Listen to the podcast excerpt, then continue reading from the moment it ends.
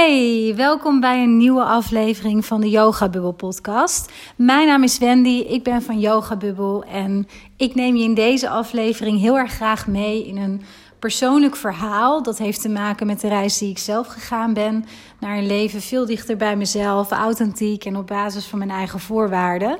Maar het heeft ook nu heel erg concreet als praktische aanleiding te maken met een mailtje wat ik dit weekend heb gekregen van ja, een dame die bij mij al eens een coachingstraject heeft afgerond. En uh, die van daaruit ontzettend veel heeft geleerd over dicht bij zichzelf blijven. Um, echt leven vanuit een diep zelfvertrouwen, een diepe connectie met je eigen intuïtie, met je lichaam, waar uiteindelijk ja, je intuïtie en je diepere wijsheid, daar ben ik van overtuigd, in opgeslagen ligt. En um, ja, zij mailde mij gewoon een prachtig verhaal, een prachtig voorbeeld uh, van een keuze, een beslissing die ze nu heeft durven maken, omdat ze gewoon helemaal in contact staat met wie zij is. In plaats van dat ze constant in haar hoofd zat, constant geleefd werd door alles en iedereen om haar heen. Uh, verwachtingen waar ze aan wilde voldoen. Uh, puur praktisch ook een agenda die altijd maar gevuld was met van alles. En ja, die mail die raakte mij natuurlijk enorm. Want ik vind het gewoon ongelooflijk mooi. En ik ben ongelooflijk dankbaar voor dat ik uh, onderdeel mag zijn van dit soort mooie groeiprocessen bij andere vrouwen. En dat ik ja, de lessen, de inzichten, maar ook de valkuilen die ik zelf um, heb meegemaakt in mijn eigen proces daarin. Uh, dat ik daar andere vrouwen mee mag helpen. Dat uh, ja, vervult me echt nog elke keer met zo ongelooflijk veel plezier en voldoening. Um, dus die mail was voor mij eigenlijk aanleiding om um, ja, eens na te denken van... Hey, waarom is het toch zo dat zo ontzettend veel vrouwen zichzelf verliezen dan wel verloren zijn. En toen moest ik dus ook aan mijn eigen situatie denken, al best wel weer jaartjes geleden ondertussen. Um, ja, dat ik ook op een bepaald punt was gekomen dat ik letterlijk op dat moment tegen mijn nu ex-partner zei. Als ik nu blijf, dan blijft er gewoon helemaal niets van mij over. En op dat moment had ik helemaal niet zo door wat ik precies zei. Als ik daarop terugkijk, dan denk ik ja, ik weet niet of je dat dan ziel noemt, of je diepere weten, of je intuïtie. Nou, wat voor naam je er ook aan geeft, dat doet er niet zo toe. Maar op dat moment sprak er iets dieper in mij, wat ik ja, in die situatie eigenlijk helemaal niet kon verklaren, maar wat zo waar was. Um, want ik was gewoon echt op een punt gekomen in mijn leven dat ik. Ja, ik wist gewoon niet meer wat ik allemaal aan het doen was. Voor wie ik dat allemaal deed en waarom. Um, als je mijn allereerste podcast al eens hebt beluisterd over mijn persoonlijke reis, dan weet je daar al wat meer van. Maar heel kort even, mocht je dat nog niet hebben gedaan. Um, ik heb eigenlijk altijd een leven geleefd. Um, als ik daarop terugkijk, wat niet helemaal van mij was. En het is niet zo dat ik een leven ja, leiden waar ik niet gelukkig in was. Want dat was ik wel. Ik heb ook ontzettend veel mooie dingen mogen meemaken en heel veel geleerd ook. Alleen ik ben van heel jongs af aan al gaan mijn eigen gaan maken, als het ware, om me aan te passen aan andere mensen, om mezelf weg te cijferen, om te pleasen. Ja, om gewoon mezelf eigenlijk altijd ondergeschikt te maken aan andere mensen als het gaat over behoeftes, verlangens en dromen.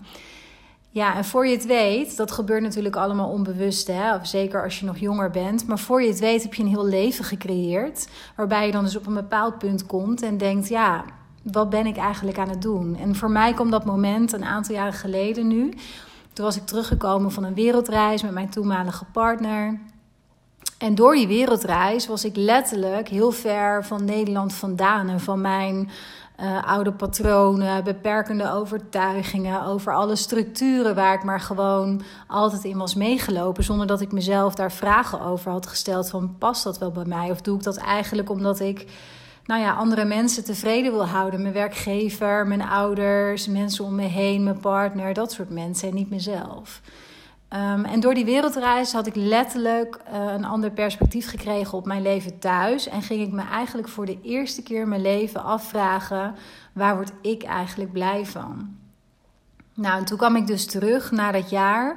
En binnen drie maanden zat ik weer enorm in de red race.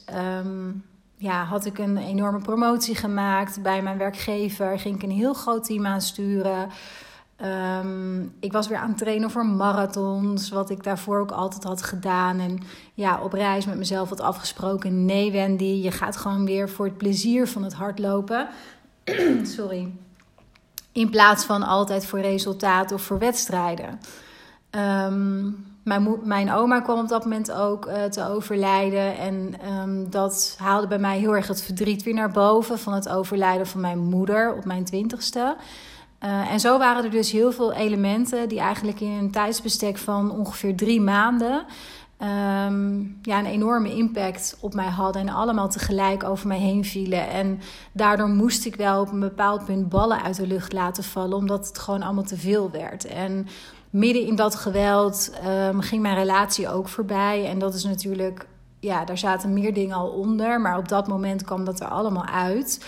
Um, dus je kunt je ongetwijfeld wel voorstellen dat het best wel veel was op één moment. En voor mij is dat uiteindelijk echt een blessing in disguise geweest. Want ik geloof echt heel erg, en dat heb ik eigenlijk altijd wel geloofd, maar dat is zeker ook met ja, deze enorme groeifase die, die ik blijkbaar door moest gaan, uh, is dat zo geweest dat ja, je diepste ellende, je diepste dalen en je meest beperkende patronen en overtuigingen, nou ja, alles wat eigenlijk niet heel gezond voor je is, dat is uiteindelijk je goud.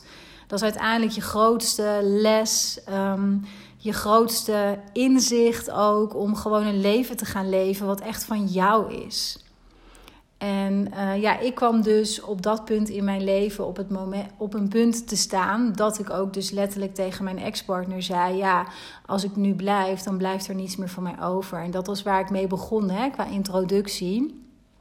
Uh, dus ik begrijp heel goed dat er heel veel vrouwen zijn. Want ik hoor het echt heel erg veel. Op mijn events, in mijn coachingstrajecten. Nou, eigenlijk om me heen ook van gewoon vriendinnen.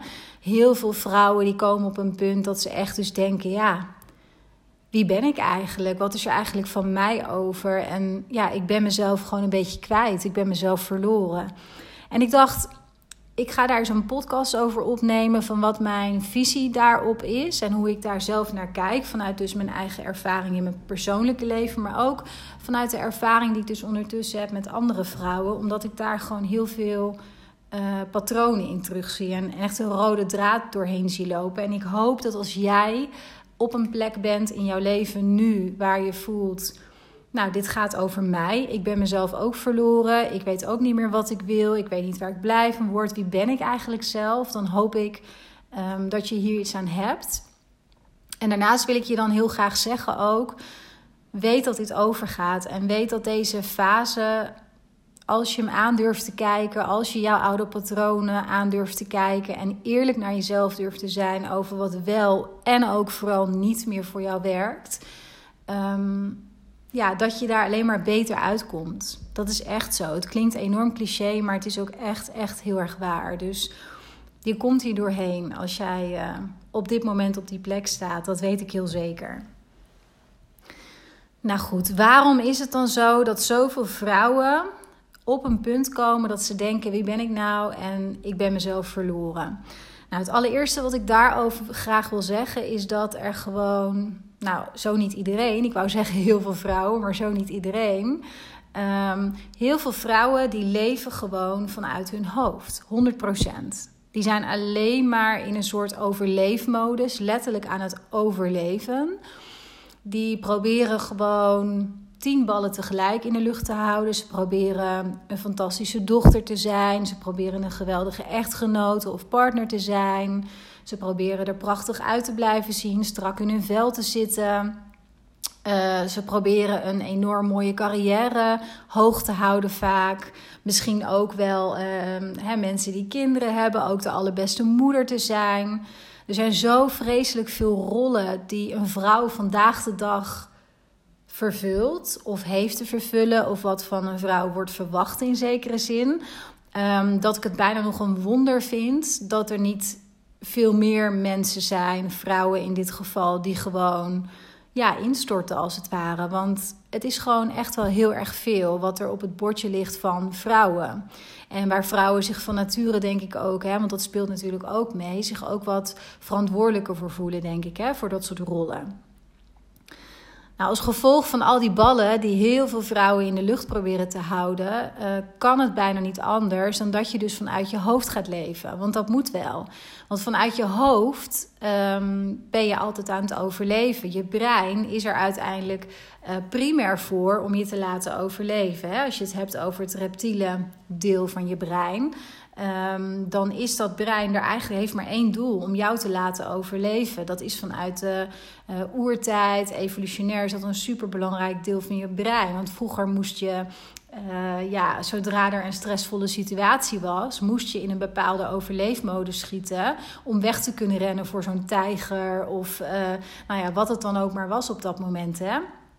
Het probleem is alleen dat we vandaag de dag niet meer dat soort stressvolle situaties hebben met een tijger die op de weg staat. Maar ons lichaam, ons systeem en ons brein um, kan geen onderscheid maken tussen zo'n tijger die letterlijk op de weg staat, wat echt dus gaat over leven of dood, of een emotioneel stressvolle situatie voor jou, of een mentaal stressvolle situatie.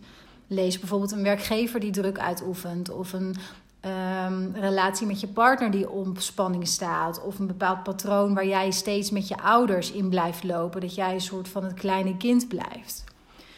Dat levert heel veel stress op voor je systeem, voor je lichaam, voor je brein. En nogmaals, het brein kan daarin geen onderscheid maken. Dus wat gebeurt er? Je gaat automatisch in een soort overleefstand en die stress blijft gehandhaafd. Waardoor je dus een hele lange periode hebt over het algemeen. Want stel je voor bijvoorbeeld dat het op je werk is of met je relatie, wat ik net als voorbeeld ook gaf, daar kom je elke dag weer in terug.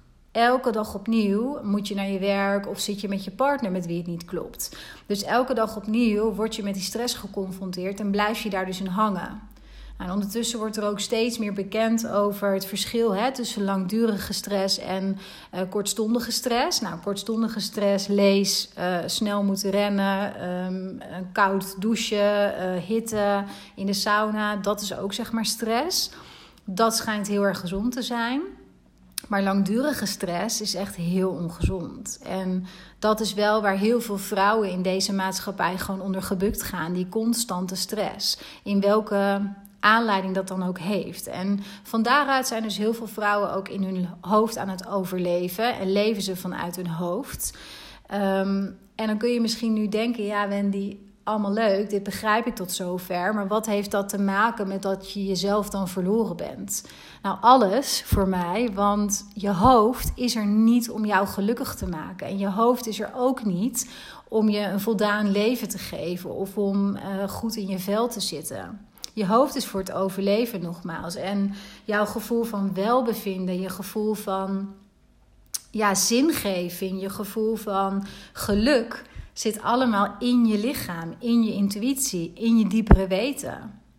Het maakt voor mij niet zo heel veel uit wat voor naam je daar verder aan geeft. Maar ik hoop voor, voor je dat het duidelijk is dat het niet in je hoofd zit. En op het moment dat jij dus de hele tijd rondjes rent in je hoofd en heel erg piekert en heel erg onder uh, stress staat, waardoor je dus de hele tijd aanstaat, lees in de overleefmodus staat, dan is het onmogelijk, echt onmogelijk om te ontspannen en in je lijf te zakken en bij je intuïtie te kunnen blijven. Want dan neemt je hoofd het steeds weer over. En dan drijf je dus steeds verder bij jouw zijn vandaan. Je bent dan letterlijk een wandelend hoofd.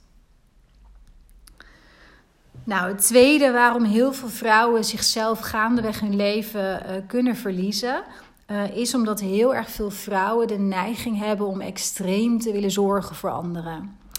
Kijk, ik ben geen uh, bioloog of arts of zo, dus ja, ik kan dit natuurlijk niet staven met onderzoek of zo.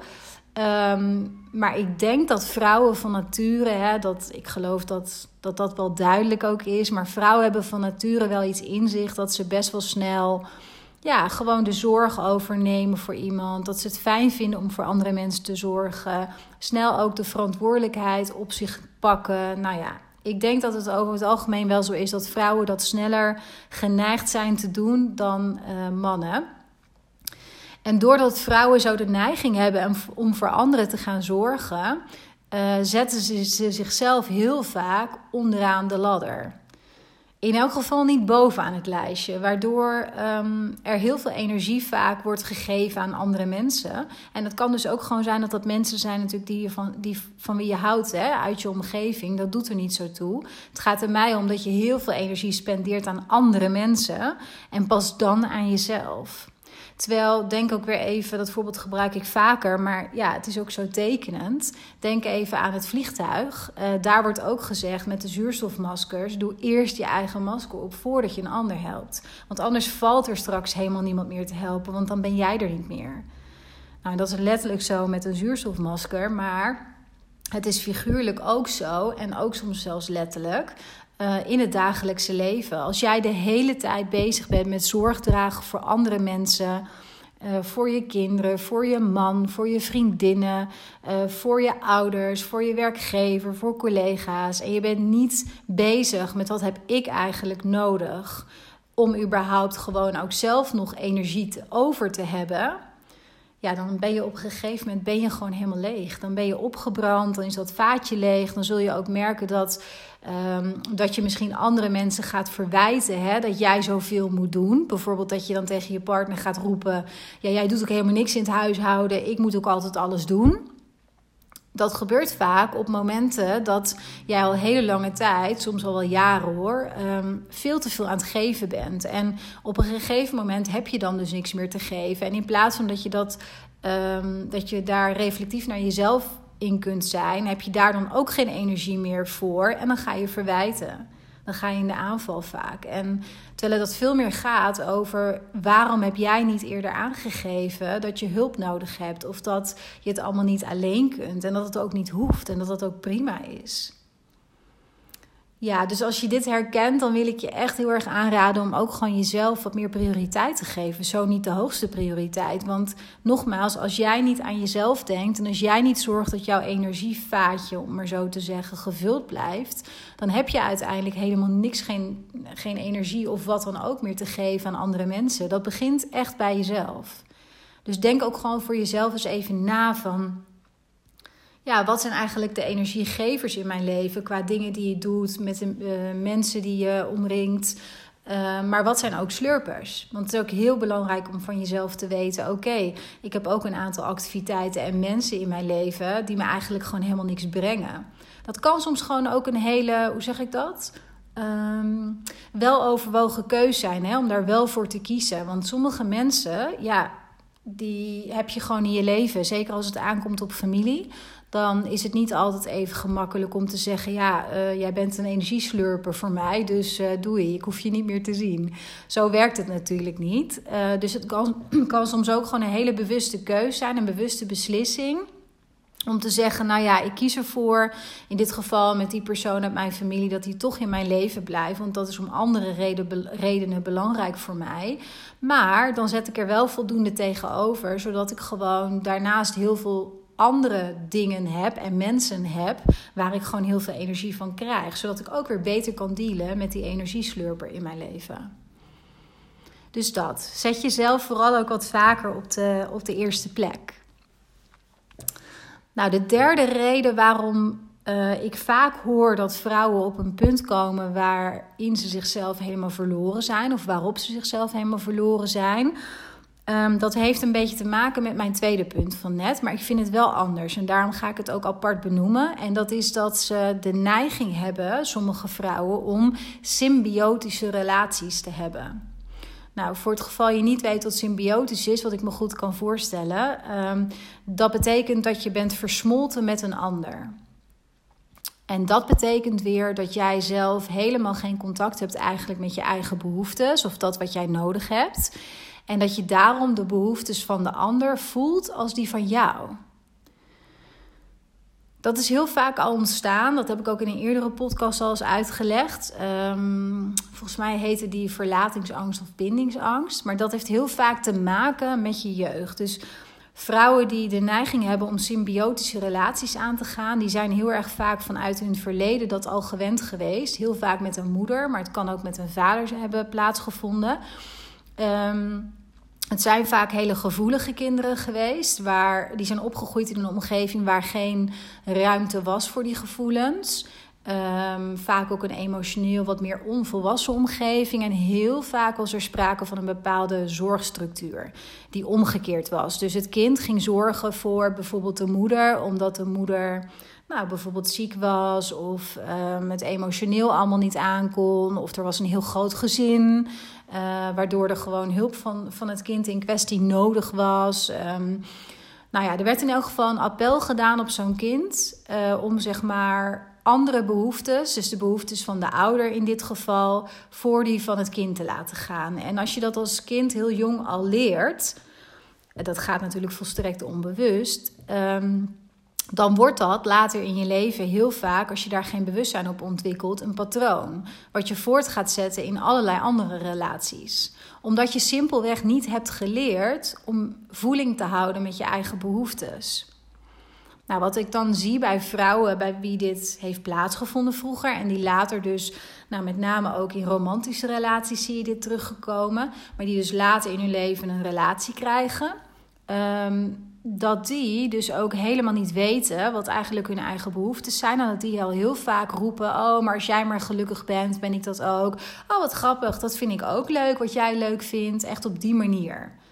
Terwijl eigenlijk hebben zij hele andere behoeftes, maar die kunnen ze niet voelen. Ze zijn letterlijk versmolten met die van een ander. En je kunt je misschien voorstellen dat als dat zo is, uh, dat er dan ook onherroepelijk een punt komt in je leven waarop je gaat denken: ja, wat ben ik eigenlijk allemaal aan het doen? Omdat het namelijk niet over jou gaat. Je bent op dat moment echt een ander leven aan het leven, dat leven van die ander. Je bent de behoeftes en de dromen, verlangens van die ander aan het leven en aan het vervullen, niet die van jezelf. Dus dat maakt ook dat je op een bepaald punt kan komen dat je denkt van ja, ik ben mezelf gewoon verloren. En dat ben je dan in dit stuk ook echt, omdat je gewoon, ja, nogmaals op een heel ander pad loopt, behalve dat van jezelf. Nou, en het vierde waarom heel veel vrouwen zichzelf verliezen, um, is omdat ze last hebben van, zoals dat tegenwoordig wordt genoemd, het brave meisjessyndroom of het lieve meisjessyndroom. Het is maar welke naam je er precies aan geeft, maar ik denk dat je er meteen wel een idee bij hebt wat dat uh, betekent. Dit zijn vaak vrouwen die um, ook op hele jonge leeftijd al hebben leren pleasen. Dus ook aan verwachtingen moesten voldoen, want anders nou, werden ze op een bepaalde manier afgewezen door een opvoeder of door een leraar. Dan was het gewoon niet goed genoeg, zeg maar. Dus dit patroon van pleasen, van aan verwachtingen willen voldoen, in de pas lopen, dat wordt dan heel vaak ver in het volwassen leven doorgetrokken. Um, als je dat niet in het licht zet, niet, uh, als je je daar niet bewust van bent. Um, en in dat geval spreken we dan van het brave meisjessyndroom. Dus dan wil je altijd aardig gevonden worden, altijd lief, altijd leuk en daarom please je. Want uiteindelijk, hè, dat is ook wel even belangrijk om hierbij te benoemen. Uh, pleasen, dat gaat eigenlijk nooit, nooit over die ander. Heel veel mensen die pleasen, die zeggen ja, maar ik ben gewoon gelukkig als die ander dat is. En het heeft altijd iets bijna altruïstisch in zich als ze dat zeggen. Zo van ja, maar ik doe dat voor de ander. Maar dat is niet waar. En dat kan ik zeggen omdat ik zelf namelijk echt een enorme pleaser altijd was. Um, pleasen gaat in essentie altijd maar over één ding. Namelijk de angst voor afwijzing. Want jij please niet omdat je die ander zo'n plezier wil doen. Maar jij bent zelf bang om afgewezen te worden als je niet pleest. Als je niet doet wat jij denkt dat die ander wil dat jij doet. En dan gaat hij nog een laagje dieper. Want uiteindelijk gaat pleasen erover dat jij jezelf afwijst. Die angst voor afwijzing is ook alleen maar een spiegel voor wat je bij jezelf doet. Want als jij jezelf niet zou afwijzen, dan zou je jezelf helemaal laten zien. En dan zou je het niet nodig hebben om te hoeven please of aan verwachtingen te voldoen. Want jij bent gewoon goed zoals je bent met alles wat je in je hebt. Dus uiteindelijk gaat pleasen daarover. En ik noem dat specifiek nu, omdat het voor mij ook heel erg verbonden is met dat brave slash lieve meisjes syndroom. Um, dat altijd maar lief, leuk, aardig gevonden willen worden. Dat heeft dus ook precies met hetzelfde te maken als wat ik net uitleg. Met die angst voor afwijzing. En ja, in die end, met dat jij jezelf afwijst. En dat je daar dus werk te doen hebt. Dat je jezelf gewoon helemaal mag omarmen. En op het moment dat jij ook altijd maar lief, leuk, aardig gevonden wil worden ja, dan is het natuurlijk ook niet heel vreemd dat je op een gegeven moment op een punt komt dat je denkt: ja, wat wil ik eigenlijk zelf? Wie ben ik eigenlijk? Want je bent de hele tijd ben je een bepaalde mate van wenselijk gedrag aan het vertonen, omdat je dus niet afgewezen wil worden, omdat je dus in de pas wil lopen, omdat je dus aan verwachtingen wil voldoen. Dat heeft niets te maken met wie jij in essentie bent, want als je zo bent, hè, als je je herkent ook in dat brave lieve meisje syndroom, dan leef je heel erg van buiten naar binnen. Dus dat wat de buitenwereld van jou wil, of wat jij denkt wat zij van je willen, dat laat je zien en dat doe je. Terwijl om echt, echt gelukkig te zijn en, en gewoon heerlijk in je vel te zitten en vanuit een bepaalde, ja, bepaald zelfvertrouwen, een bepaalde kracht in jezelf te kunnen leven, moet je van binnen naar buiten leven. Niet de buitenkant laten bepalen hoe jij je voelt of wie jij bent of wat je zegt of wat je leuk, lekker, mooi vindt. Nou, ik hoop dat je hier iets aan hebt. Mocht jij dus op een plek zijn dat je denkt: ja, ik herken dit. Um, ik ben mezelf verloren, of ik twijfel over wat ik leuk vind, of waar ik blij van word, of waar doe ik goed aan, dan hoop ik gewoon dat je hier ja, inzichten uit kunt halen voor jezelf. En dat het je helpt om ja, ook gewoon eerlijk naar jezelf te zijn. Hè? Over waar je in zit. Over keuzes die je misschien heel vaak onbewust, maar die je gewoon hebt gemaakt vanuit een bepaald patroon, vanuit een bepaalde structuur, vanuit een bepaald overlevingsmechanisme ook bijna altijd. Hè? Wat ook, ook altijd goed is geweest, want overlevingsmechanismes, daar, daar kleeft ook vaak iets naars aan. Terwijl je mag ze dankbaar zijn, want ze hebben je ook gemaakt tot wie je nu bent. En ze hebben je in sommige gevallen ook behoed um, voor een nare situatie. En zeker voor een jong kind die zich bepaalde overlevingsstructuren eigen maakt, onbewust, die doet dat niet voor niets. Dat gebeurt omdat zo'n kind zich op een bepaalde manier staande wil houden. En dat jij later in je leven tot de conclusie komt van ja, ik heb me bepaald gedrag, bepaalde patronen eigen gemaakt en nu weet ik niet meer echt wie ik zelf ben. Uh, dat is alleen maar heel mooi, want je mag dat ook los gaan laten. Maar dat wil niet zeggen dat die overlevingsmechanismes jou niet tot dat punt heel erg hebben gediend. Dus probeer daar ook niet al te ja, naar of negatief naar te kijken of over te denken. Want je mag er gewoon dankbaar voor zijn eigenlijk. Hè? Ze hebben je altijd geholpen. Het is alleen nu ben je op een punt gekomen dat je het los mag laten. En dat je het niet langer nodig hebt. Want je bent nu een volwassen vrouw.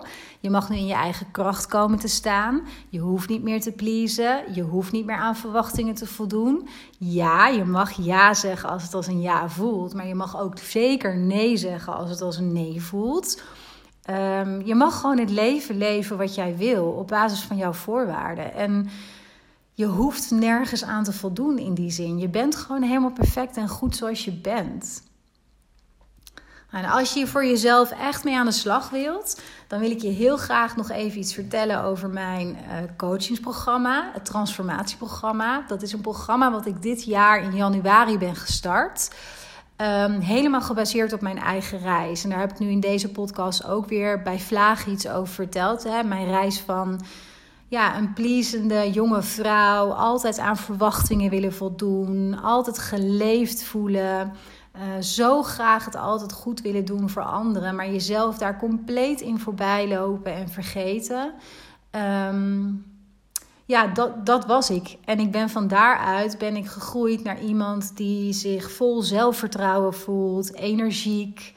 Ik voel me ook heel vrij, um, stralend. En ik zit gewoon ontzettend goed in mijn vel. En ja, kan heel erg keuzes maken nu die bij mij kloppen. Zonder dat ik me daar schuldig over voel. Of dat ik me schaam. Of ja, dat ik bezig ben met: oh jee, wat zullen anderen daar wel niet van denken ja, ik leef nu gewoon mijn allermooiste leven. Ik kan niet anders dan dat gewoon op die manier zeggen en voelen. En heel erg op basis van mijn eigen voorwaarden. En dat hele proces in alles wat ik daarin heb geleerd, al mijn inzichten, al mijn lessen, alle tools die ik heb uitgeprobeerd, uh, alle valkuilen ook. Ik heb alles eigenlijk samengevat in het transformatieprogramma. Een programma waar ik echt mega trots op ben. Um, en waarin je dus heel erg leert van hoe ben je nou gekomen op het punt waar je nu bent.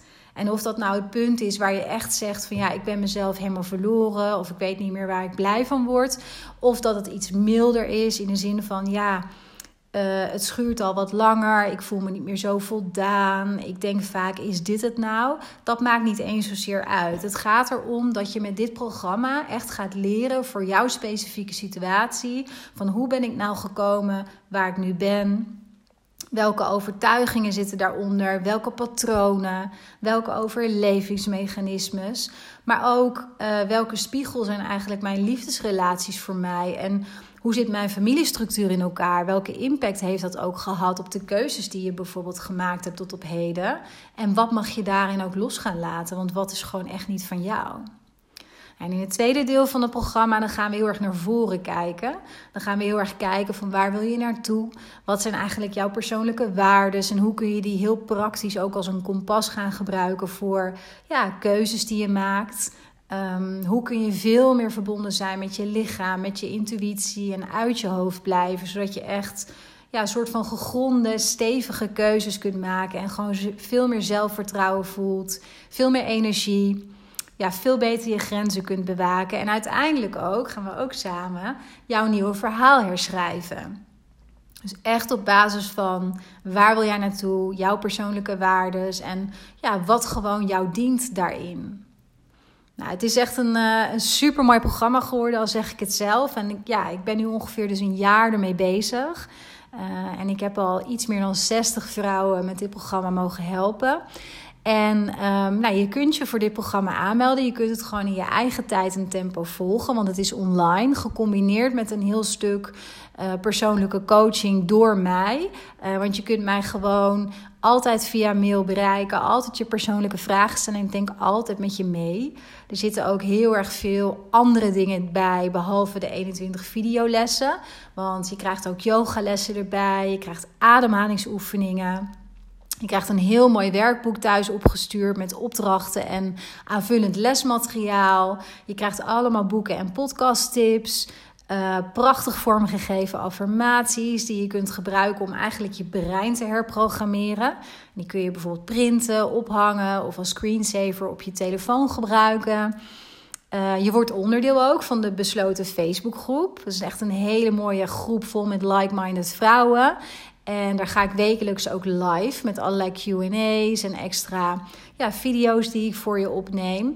Dus ja, het is echt gewoon een, een prachtig programma. Ik kan het niet anders zeggen. En uh, als jij geraakt bent door dit verhaal, als jij voelt, potverdorie, ik wil dat uh, eh, 2022 mijn jaar wordt. Want terwijl ik dit opneem is het december 2021.